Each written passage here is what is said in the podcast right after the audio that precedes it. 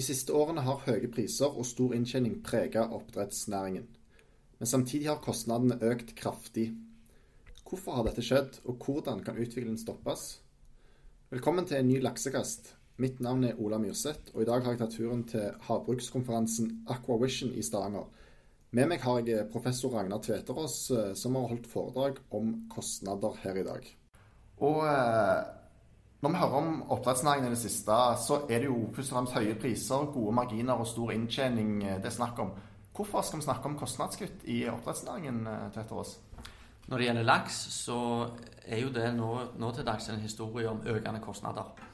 Uh, og det kan det være flere grunner til. Det er vel En viktig grunn er jo det at en, en, klarer, altså en klarer ikke å ekspandere produksjonen internasjonalt. Det fører til høyere priser.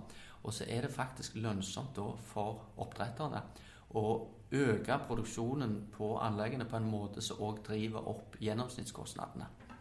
Så, så, til dels Det er selvfølgelig det er høne- og eggeproblematikk, dette. Men til dels så er de høyere kostnadene en funksjon av de høyere prisene. Hvordan er den sammenhengen? Nei, Sammenhengen er den at uh, hvis du har en relativt lav markedspris som ligger rett rett over bånden på gjennomsnittskostnadene, så velger du, så velger du et, eh, et, eh, produksjonsnivå så, uh, der kostnaden er der, er der rundt bånden av, av, det som er mulig for deg.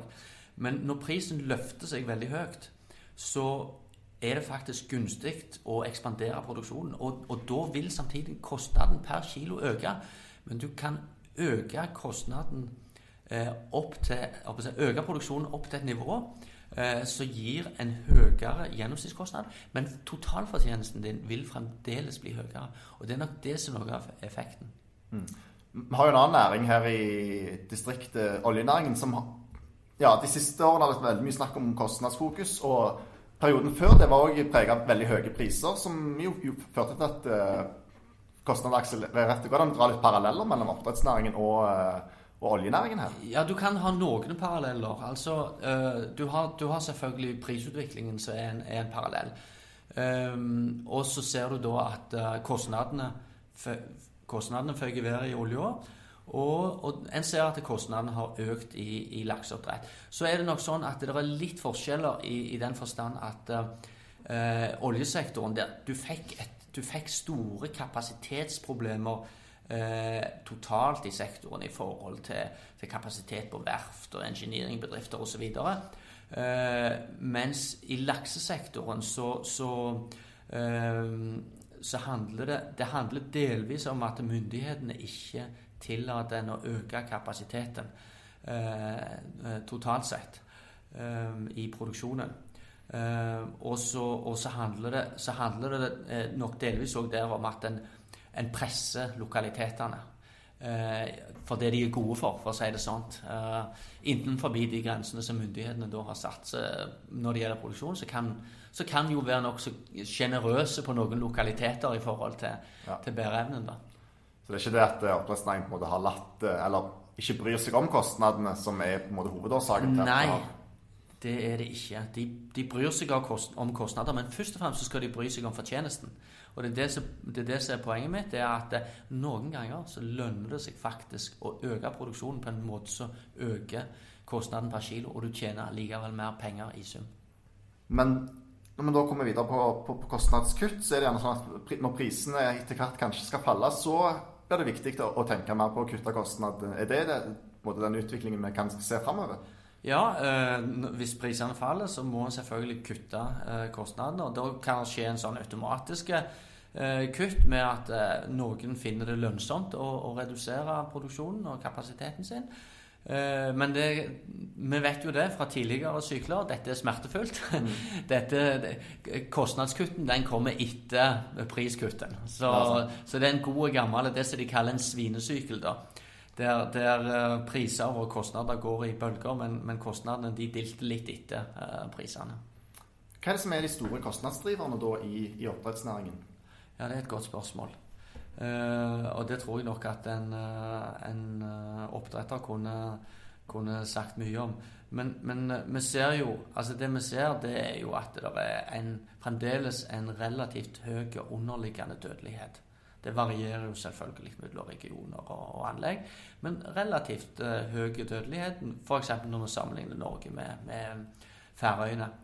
Um, og, um, og dette her, her presset liksom, med at en øker produksjonen og, og disse her høyere kostnadene, det, det, fører jo òg Det bidrar jo kanskje altså, til noe mer sykdom.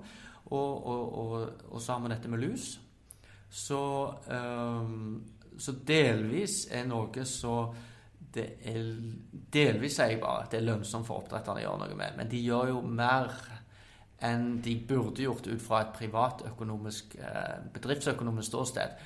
Og det er nok, det er nok sånn at den, de lusebehandlingene de gjør, fordi at samfunnet presser de til å gjøre det, de, eh, de koster nok relativt mye. Altså ikke bare lusebehandlingen, men, men eh, kostnaden knytta til, til, dødelighet og reduserte tilvekst.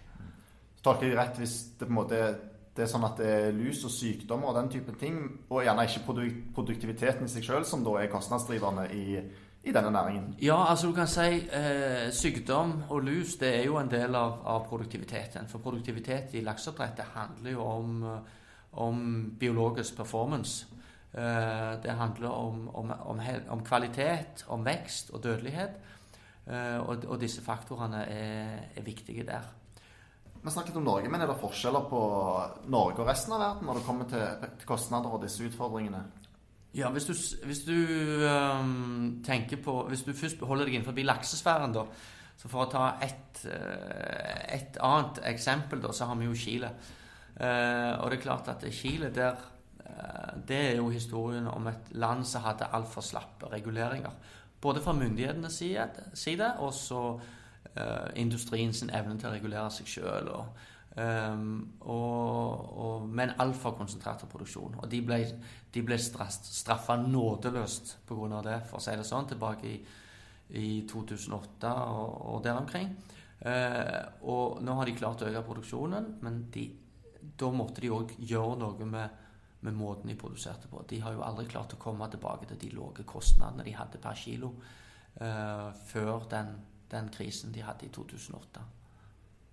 I fjor så kom det en Nofima-rapport uh, som så på nettopp kostnadene i, i uh, oppdrettsbransjen. og der kom det fram at altså prisen for lakseoppdrett økte med 5 kroner per kilo fra 2012 til 2014. Denne utviklingen, kommer den til å fortsette?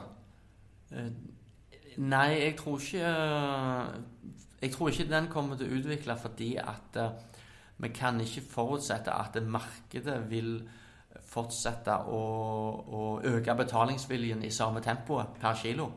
Eh, sånn at dette er nok en utvikling vi har sett i en periode, og så er jeg nødt til å ta grep for å, å redusere den nominelle kostnadsveksten og kanskje, kanskje å kutte.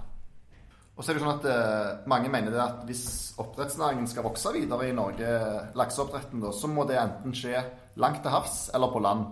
Hvordan vil det eventuelt påvirke kostnadene? Nei, Det er et veldig godt spørsmål. Altså, Dette med å produsere på land og produsere offshore, det er jo noe en, en uh, blir tvungen til på et vis. Ikke fordi at en har fryktelig lyst til det, uh, og fordi at en tror det er en fantastisk økonomi i det. Men det handler om hvor mye en får lov til å produsere i kystsonen, i fjorder og, og sund osv. Um, eh, og, og hvor mye av myndighetene hvor mye en får lov. Og så er det noe med hvor mye kystsonen tåler før det blir for mye smittepress og, og for mye lusepress osv. Eh, og så er det jo et utrolig godt spørsmål hva det kommer til å koste å produsere på landet og, og offshore. Eh, det er klart at, at, eh, sånn som regnestykkene ser ut Jeg har sett på noen av de regnestykkene, spesielt på Lander, så, så betinger jo det relativt høye priser. Altså Vi snakker om at du må ha, du må ha laksepriser som ligger ligger godt oppe på 40-tallet og, og, der omkring altså, for å skape økonomi for dette. Men det er kanskje den eneste muligheten for å, å skape den eh, store veksten som en ser for seg. ikke sant, Og gjøre og gjør f.eks. tregangen i forhold til dagens lakseproduksjon. Mm. Og så kan jo teknologiutviklingen kanskje gjøre at det etter hvert blir billigere å produsere? Klart. Altså de første Eh, de første anleggene som en kommer til å ha eh, på, på land og, og, offshore, de kommer nok til å være dyrere en, og, og, og, måten å drive det på kommer til, til å være dyrere enn en det vi kommer til å se etter hvert. En, etter hvert så lærer en seg hvilke teknologier som fungerer best, og så driver en, driver en smartere. Så, men et utrolig spennende eksperiment. Et utrolig um, kostbart eksperiment i den forstand at det er, det er svære beløp. Det er jo milliardbeløp som skal investeres nå både på land og på offshore. Bl.a. knytta til utviklingskonsesjonene. Mm.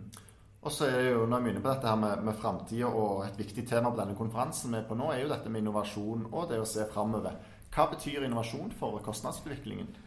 Nei, innovasjon er For å si det sånn, det er alfa og omega. Det er det som avgjør om industrien vokser eller stagnerer. Så hvis en ikke klarer å, å videreutvikle fôret, og det handler litt om å erstatte ingredienser Hvis en ikke klarer å utvikle de nye vaksinene uh, og, og, og, og, kanskje så handler det om, om teknologier på land og, offshore. Så hvis en ikke får til denne her miksen av innovasjoner, så blir det stagnasjon i næringen. I ditt foredrag her i dag så var du inne på det at uh, for å kunne få ned kostnadene, så må bedriftene og næringen jobbe mer sammen. Hva legger du i det? Nei, det, det, ligger i det at eh, bedriftene må finne ut hva er det som er rasjonelt for oss å holde på med alene. Hva er det for noen typer problemer vi kan, kan løse alene? Mm.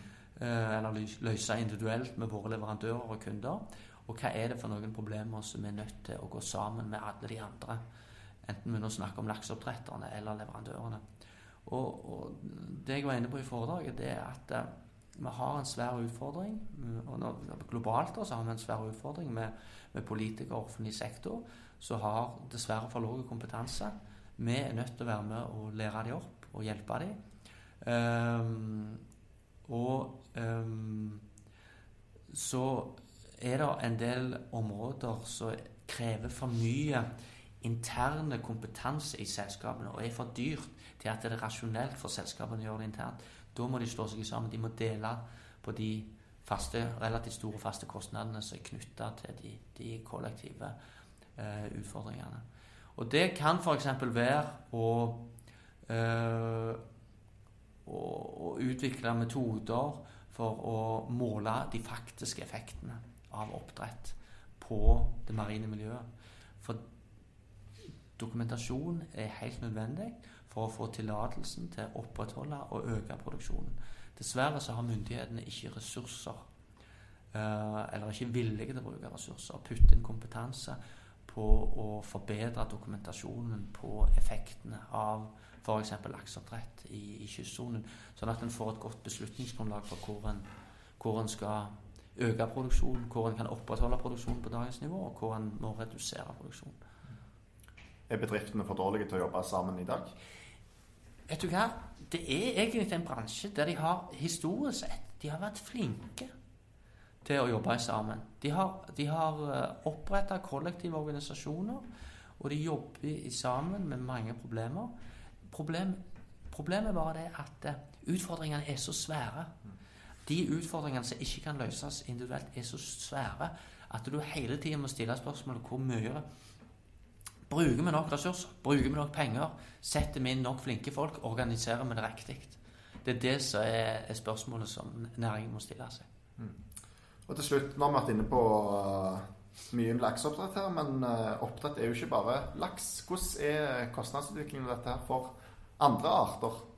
Du har helt rett i at oppdrett er ikke bare laks. Altså Laks er jo bare en en liten del Hvis vi snakker om verdens produksjon, akvakulturproduksjon, uh, når det gjelder fisk, så, så avhengig av, av, om du trekker inn Kina eller ikke, så, så er vi jo oppe i, i, en størrelsesorden 50 millioner tonn. Og laks er da globalt sånn røftlig 2 millioner. Um, men det er jo et utrolig sammensatt bilde. Altså Laks er jo en, et helt spesielt case. Når det gjelder lønnsomhet, f.eks.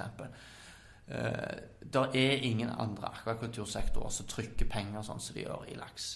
I andre sektorer så handler det mye om å overleve. Eh, og, og, øke produksjonen for å få litt marginer, ikke for å få fantastiske marginer. Og det er utrolig sammensatt, de utfordringene som er. Altså de, de utfordringene som et norsk lakseoppdrettsfirma har, og de utfordringene som en, en liten uh, et familieoppdrettsanlegg i India eller Indonesia og Vietnam har, det, det kan jo ikke sammenlignes. Og de ressursene. ikke sant? Kapital og kompetanse osv. Uh, det er en, det er en podkast i seg sjøl. da får gjerne det bli avslutningen, og så kan vi kanskje snakke mer om resten av verden ved en senere anledning. Tusen takk for at du var med, Ragnar Tveterås. Takk.